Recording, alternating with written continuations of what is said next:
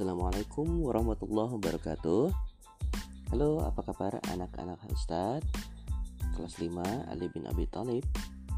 Semoga sehat dan semangat selalu sekeluarga Serta dalam lindungan Allah subhanahu wa ta'ala. Amin ya rabbal alamin.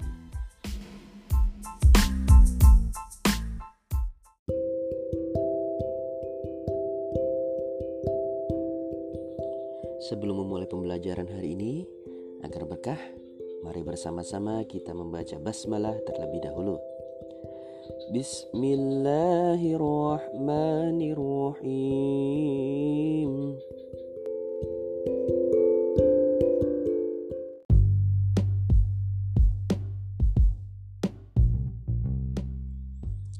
Di pertemuan sebelumnya kita sudah mempelajari tentang cara membaca surah At-Tin dengan makhrajul huruf yang benar dan tajwid yang benar serta makna kandungan surahnya dan kita sudah melalui uh, penilaian hariannya. Nah, di pertemuan ini kita sudah memasuki bab baru yaitu pada pelajaran 2 mengenal nama Allah dan kitabnya.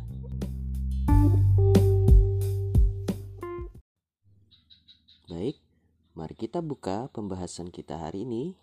Diawali dengan bahasan mengenal Allah Subhanahu wa taala.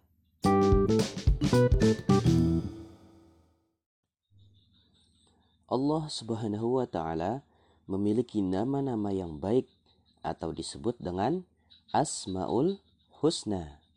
Asmaul Husna hanyalah milik Allah Subhanahu wa taala. Tapi Manusia sebagai makhluknya tidak hanya sekedar mengetahui, memahami, dan mempelajari eh, nama-nama uh, Allah tersebut, tapi kita juga bisa meniru kandungan makna dari nama-nama Allah tersebut dan kita terapkan dalam kehidupan sehari-hari. Adapun di antara nama-nama Allah atau Asmaul Husna itu yang akan kita pelajari pada pertemuan ini adalah Al-Mumit, Al-Hayy, Al-Qayyum, dan Al-Ahad. Yang pertama adalah Al-Mumit.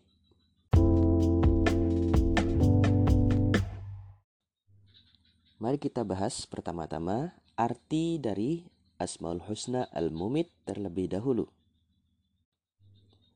Al-Mumid artinya Allah Maha Mematikan. Allah bersifat Al-Mumid berarti Allah berkuasa untuk mematikan semua yang diciptakannya. Kematian setiap makhluk adalah kehendak Allah. Nah, semua yang hidup di dunia ini pasti akan mengalami yang namanya kematian bukannya Ustadz nakut-nakutin ya tapi ini emang beneran. Bahwa kita semua itu pasti mati. Mau hewan peliharaan kita tumbuh-tumbuhan yang kita pelihara bahkan kita sendiri. Dan ustadz ustadzah juga. Ayah ibu kalian juga. Adik kakak kalian juga. Sahabat-sahabat kalian juga. Kakek nenek kalian juga. Diri kalian juga Semuanya pasti akan mengalami yang namanya kematian. Dan kita tidak tahu kapan kematian itu akan datang pintar. Mau orangnya itu orang kaya, orang sekuat apa pun, bahkan sekelas presiden pun, kalau Allah menghendaki saat itu dia akan eh, maaf saat itu dia sudah saatnya meninggal dunia atau mati maka tidak ada yang dapat menghalangi kuasa Allah tersebut. Walaupun dia bersembunyi di dalam bawah tanah mau bersembunyi di mana pun atau melakukan e, cara agar panjang umur bagaimanapun kalau Allah sudah menghendaki bahwa dia saat itu sudah saatnya mati maka tidak ada yang dapat menghalangi kematian tersebut walaupun sedetik pun pintar Nah, inilah kekuasaan Allah dengan nama Asmaul Husna Al-Mumit. Tidak hanya makhluk hidup, Bahkan benda mati pun juga termasuk. Uh, misalkan seperti mobil yang kalian pelihara, sepeda yang kalian pelihara. Kalau Allah menghendaki sudah saatnya rusak, misalkan karena apa? Karena kecelakaan, ya itu akan terjadi. Tidak ada yang dapat menghalangi juga. Nah, seperti itu. Jadi tidak hanya berlaku kepada makhluk hidup, tapi juga kepada benda mati. Bahkan nih, alam semesta yang kita tinggali ini, bumi yang kita tinggali ini, suatu saat dia akan berakhir, akan musnah pada hari yang namanya hari hari kiamat. Hehe, masih memperhatikan? Mari kita dengarkan penjelasan tentang Al-Mumit ini dalam surah Al-Mu'min ayat 68 berikut ini. Bismillahirrahmanirrahim. Huwa alladhi yuhyi wa yumit. فإذا قضى أمرا فإنما يقول له كن فيكون Artinya, dialah yang menghidupkan dan mematikan. Maka apabila dia berkehendak menetapkan sesuatu urusan, dia hanya berkata kepadanya, Jadilah, maka jadilah sesuatu itu. Surah Al-Mu'min ayat 68 Nah, ayat di atas menjelaskan bahwa Allah berkuasa menghidupkan dan mematikan makhluknya. Dalam menetapkan sesuatu itu sangat mudah bagi Allah. Apa yang dikehendaki Allah pastilah terjadi. Katanya tadi kan, kalau Allah bilang, jadilah, maka terjadilah sesuatu itu. Jika Allah akan mematikan makhluknya, hal itu pasti terwujud. Itulah arti bahwa Allah memiliki sifat Asmaul Husna Al-Mumit.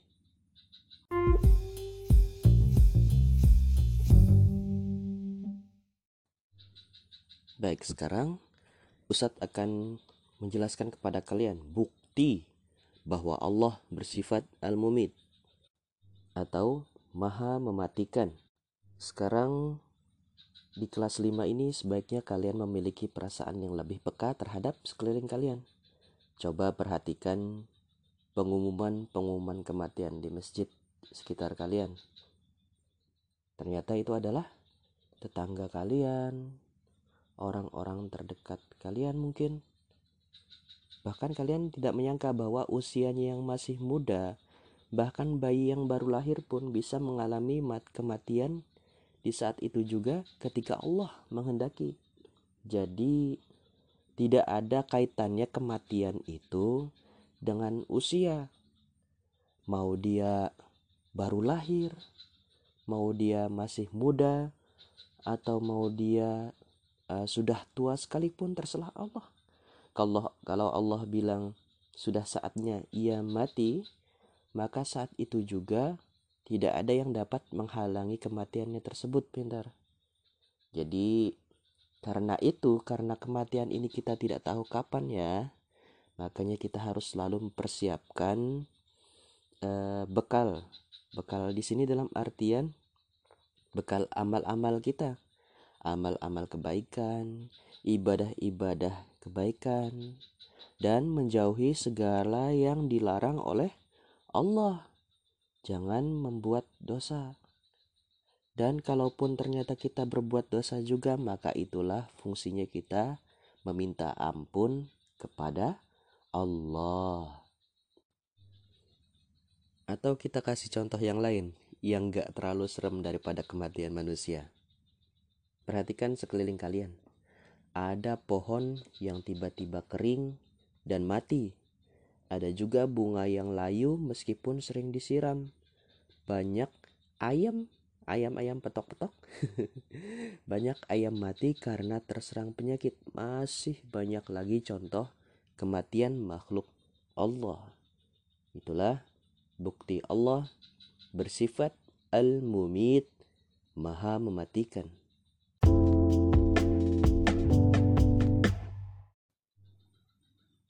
Yang kedua, kita memasuki Asmaul Husna selanjutnya yaitu Al-Hayy.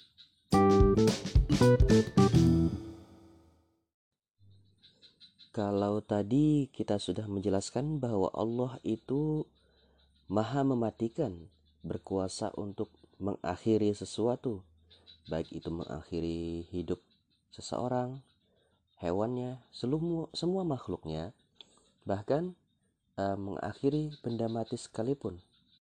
Nah, di nama Allah yang berikutnya, Al-Hayy, artinya Allah maha hidup tidak seperti ciptaannya, Allah Maha Hidup. Kehidupan Allah itu kekal, tidak akan pernah berakhir. Kalau kita ada saatnya akan mati, maka Allah itu kekal, tidak akan pernah berakhir, pintar. Bahasa lainnya dari kekal itu kalian mungkin lebih memahami abadi. Wah. Abadi itu artinya ya tadi nggak akan pernah ada habisnya, nggak ada pernah akhirnya. Allah akan terus hidup beda sama kita yang suatu saat akan mati. Tidak mungkin kehidupan Allah berakhir karena Allah lah yang mengurus yang mengurus kehidupan di alam semesta ini. Beda dong kehidupan Allah dengan kehidupan makhluknya kehidupan Allah bersifat sempurna tanpa membutuhkan makhluk lain Allah mencukupkan uh, Allah mencukupi sendiri kebutuhannya dan mengatur sendiri alam semesta ini. Tidak butuh pembantu yang lain. Nah, Allah itu bisa sendiri kok. Allah itu maha kuasa. Nah, tidak ada satupun tindakan manusia yang lepas dari kehendak Allah karena Allah maha hidup.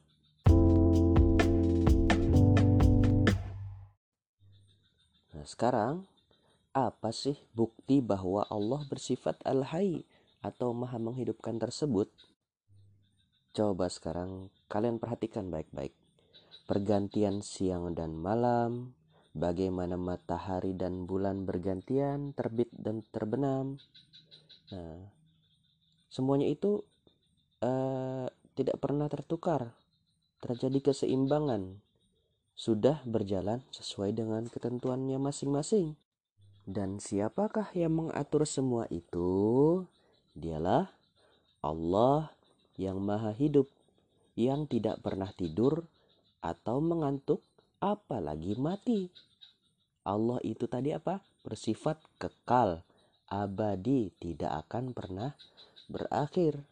Bayangin kalau uh, di tengah-tengah uh, kehidupan ini sedang berjalan, tiba-tiba Allah tidak ada, maka siapa yang mengurusnya?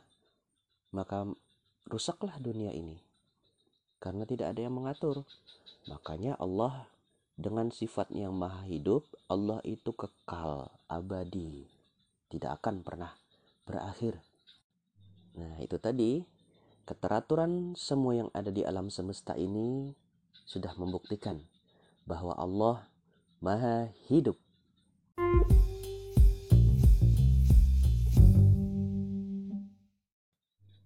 Sekarang mari kita bahas nama Allah atau Asmaul Husna yang ketiga yaitu Al-Qayyum.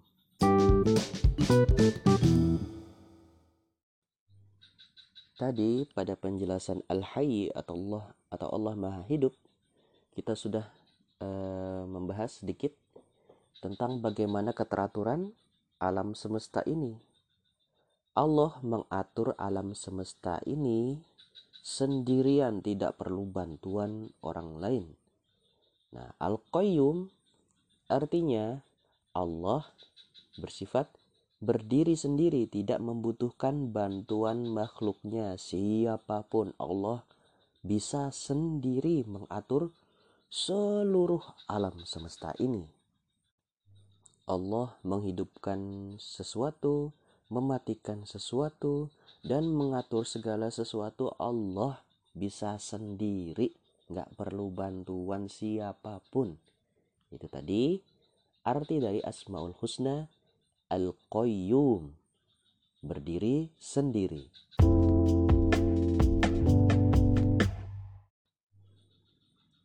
Sekarang mari kita bahas bukti bahwa Allah bersifat Al-Qayyum atau berdiri sendiri. Pernah nggak kamu sesekali deh di antara kehidupan yang kamu jalani ini menengadah ke langit? Apalagi terutama saat malam hari. Banyak bintang gemintang. Dan kamu sudah tahu di luaran sana itu ada planet-planet yang lain selain planet yang kita tinggali ini. Apa nama planet kita? Bumi. Tahu nggak? Bumi ini bukan planet yang terbesar di alam semesta. Masih ada planet yang lebih besar lagi. Tapi kita sudah merasa bahwa bumi ini sangat luas. Nah, semua ini penciptanya cuma satu pintar, yaitu Allah. Dan luar biasanya lagi, Allah sendiri yang menciptakan semua ini dan mengatur semua ini, tapi semuanya itu bisa teratur. Padahal alam semesta ini sangat luas, tapi Allah berkuasa mengatur semuanya dari hal yang paling kecil, yang paling uh, yang paling kamu pahami eh, lebih mudah adalah mulai dari semut yang paling kecil itu sampai alam semesta raya yang sangat luas ini Allah sendiri yang mengaturnya tanpa bantuan apa pun tanpa bantuan siapa pun. Allah sendiri. Nah itu tadi bukti Allah bersifat al-qayyum. Bener nggak? Ya kan?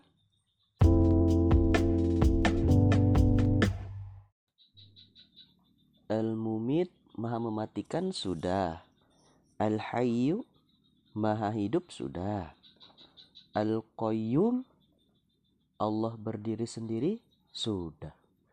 Nah, sekarang kita memasuki Asmaul Husna yang keempat dan yang terakhir akan kita bahas yaitu Al-Ahad.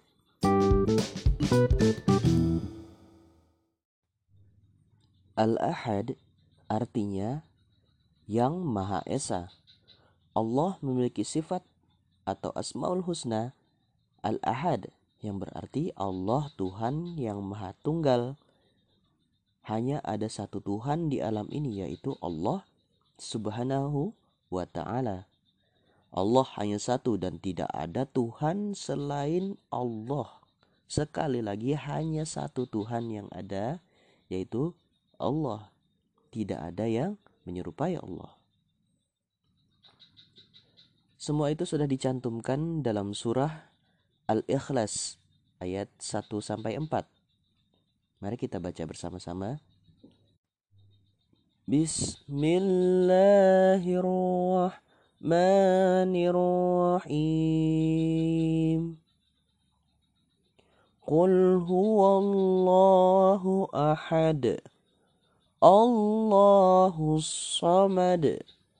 لم يلد ولم يولد ولم يكن له كفوا أحد Artinya, katakanlah Muhammad, dialah Allah yang Maha Esa. Allah tempat meminta segala sesuatu. Allah tidak beranak dan tidak pula diperanakan dan tidak ada sesuatu yang setara dengan dia. Surah Al-Ikhlas ayat 1 sampai 4. Nah, di surah Al-Ikhlas ini menjelaskan tentang sifat Al-Ahad yang dimiliki oleh Allah. Keesan Allah berarti Allah menjadi satu-satunya tempat bergantung semua makhluk, gak cuma bergantung manusia aja tapi semua makhluk bergantung kepada Allah. Seperti kita jelaskan tadi, uh, yang apa? Yang mengatur segala di di alam semesta ini adalah Allah. Yang mematikan, yang menghidupkan tergantung Allah. Allah Maha Esa berarti Allah tidak memiliki keturunan atau nenek moyang Allah itu satu dan tidak ada satupun yang menyekutukannya. itu semua adalah arti Allah memiliki sifat Al-Ahad. Masih ingat kan? Dalam rukun Islam, nah rukun Islam yang pertama adalah apa yo? Iya, rukun Islam yang pertama adalah mengucapkan dua kalimat syahadat, yaitu syahadat tauhid yang bacaannya Ashhadu an la ilaha illallah. Nah, dan syahadat Rasul yang bacaannya wa ashhadu anna Muhammadar Rasulullah. Nah, lafal syahadat merupakan pernyataan keyakinan kita bahwa Allah itu esa, Allah itu satu, Allah tidak ada yang menyekutukannya, tidak ada Tuhan selain Allah. Dengan demikian, setelah mengucapkan syahadat, umat Islam wajib menyembah hanya kepada Allah, berdoa hanya kepada Allah, memohon pertolongan hanya kepada Allah, memohon kekuatan juga hanya kepada Allah, berlindung dari kejahatan atau musuh juga hanya kepada Allah. Allah adalah satu-satunya zat yang menjadi tujuan semua makhluk, termasuk kita sebagai manusia. Dan ingat, syahadat ini merupakan syarat seseorang diterima Allah sebagai umatnya.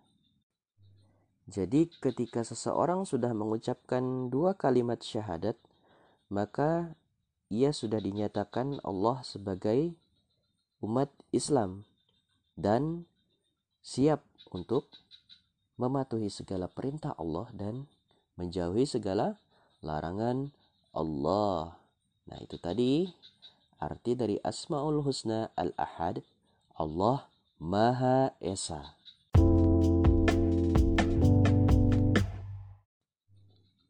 Sekarang mari bersama-sama kita buktikan bahwa Allah memang bersifat Al-Ahad atau Maha Esa.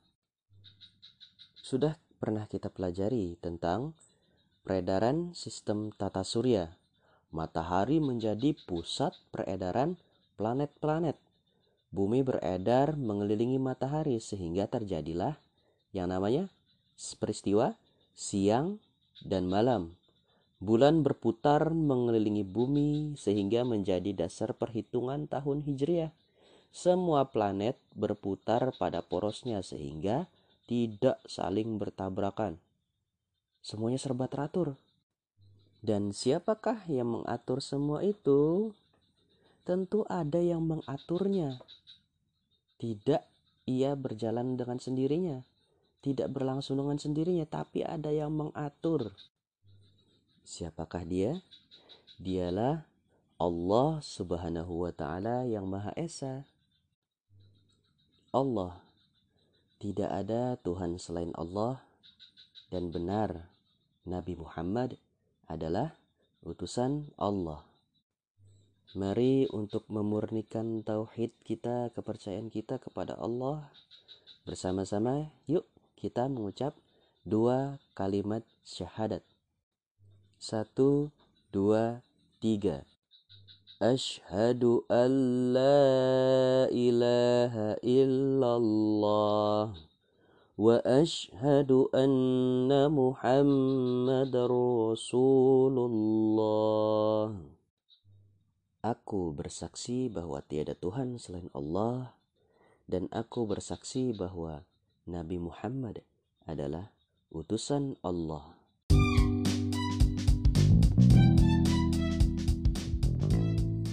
Dengan berakhirnya pembahasan kita tentang nama Allah Al-Ahad tadi, maka berakhir pula pertemuan kita pada hari ini. Mari bersama-sama kita tutup dengan membaca hamdalah Alhamdulillahirabbil alamin. Terima kasih sudah mendengarkan dan perhatikan. Salah khilaf, Ustaz mohon maaf. Semoga ilmu yang kita dapat hari ini agar dapat bermanfaat dan senantiasa kita ingat sampai akhir hayat kita. Ingat Allah Al-Mumit Maha mematikan Al-Hayy Maha hidup Al-Qayyum berdiri sendiri dan Al-Ahad Allah Maha Esa. Sampai jumpa lagi di pertemuan selanjutnya. Wassalamualaikum warahmatullahi wabarakatuh.